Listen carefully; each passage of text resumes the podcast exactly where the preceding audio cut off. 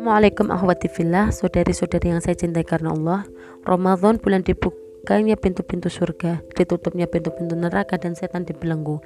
Peluang melakukan amal soleh sesungguhnya jauh lebih mudah dengan gambaran keistimewaan yang ada di bulan Ramadan ini. Semoga kita terus termotivasi meningkatkan amal kita ya. Amin. Akhwati fillah, membaca Al-Quran tak hanya bernilai ibadah, tetapi juga dapat menjadi obat penawar jiwa yang gelisah pikiran yang tak menentu dan jasmani yang kurang sehat sebagaimana firman Allah Subhanahu wa taala dalam surah Al-Isra ayat 82. A'udzubillahi minasyaitonirrajim. Bismillahirrahmanirrahim.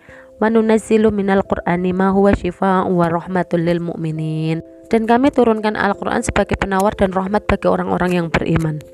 Imam Al-Qurtubi menjelaskan ada beberapa pendapat dalam menafsirkan kata syifa pada ayat itu. Yang pertama, Al-Quran dapat menjadi terapi bagi jiwa seseorang yang dalam kondisi kebodohan dan keraguan. Yang kedua, Al-Quran membuka jiwa seseorang yang tertutup dan menyembuhkan jiwa yang rapuh. Yang ketiga, membaca Al-Quran juga menjadi terapi untuk menyembuhkan penyakit jasmani. Masya Allah, jika kita saat ini merasa bodoh, gampang berada dalam keraguan karena bingung jawaban masalah kita karena banyaknya masukan-masukan atau jiwa kita terus gelisah, rapuh, merasa paling menyedihkan di dunia. Boleh jadi karena diri kita itu selama ini sedang jauh dari Al-Quran. Dalam suatu kisah, seseorang yang jiwanya sedang gelisah mendatangi salah seorang sahabat Nabi Abdullah ibnu Mas'ud radhiyallahu anhu. Abdullah ibnu Mas'ud adalah salah seorang sahabat yang dikenal ahli Quran, memiliki bacaan yang bagus. Orang tersebut meminta nasihat kepada ibnu Mas'ud terkait kondisi hatinya yang gelisah.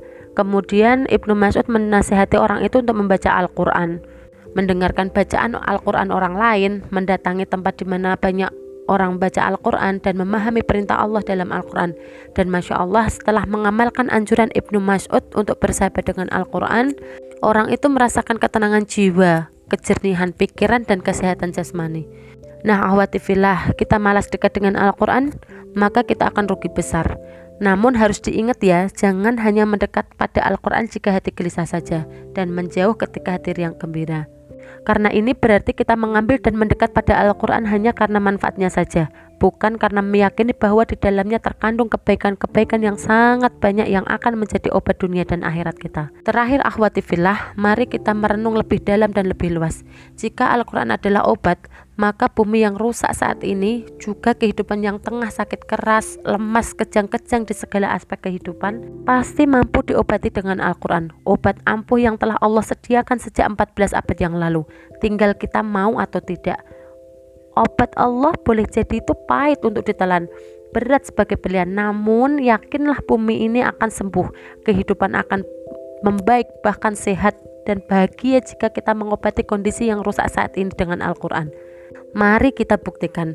Wassalamualaikum warahmatullahi wabarakatuh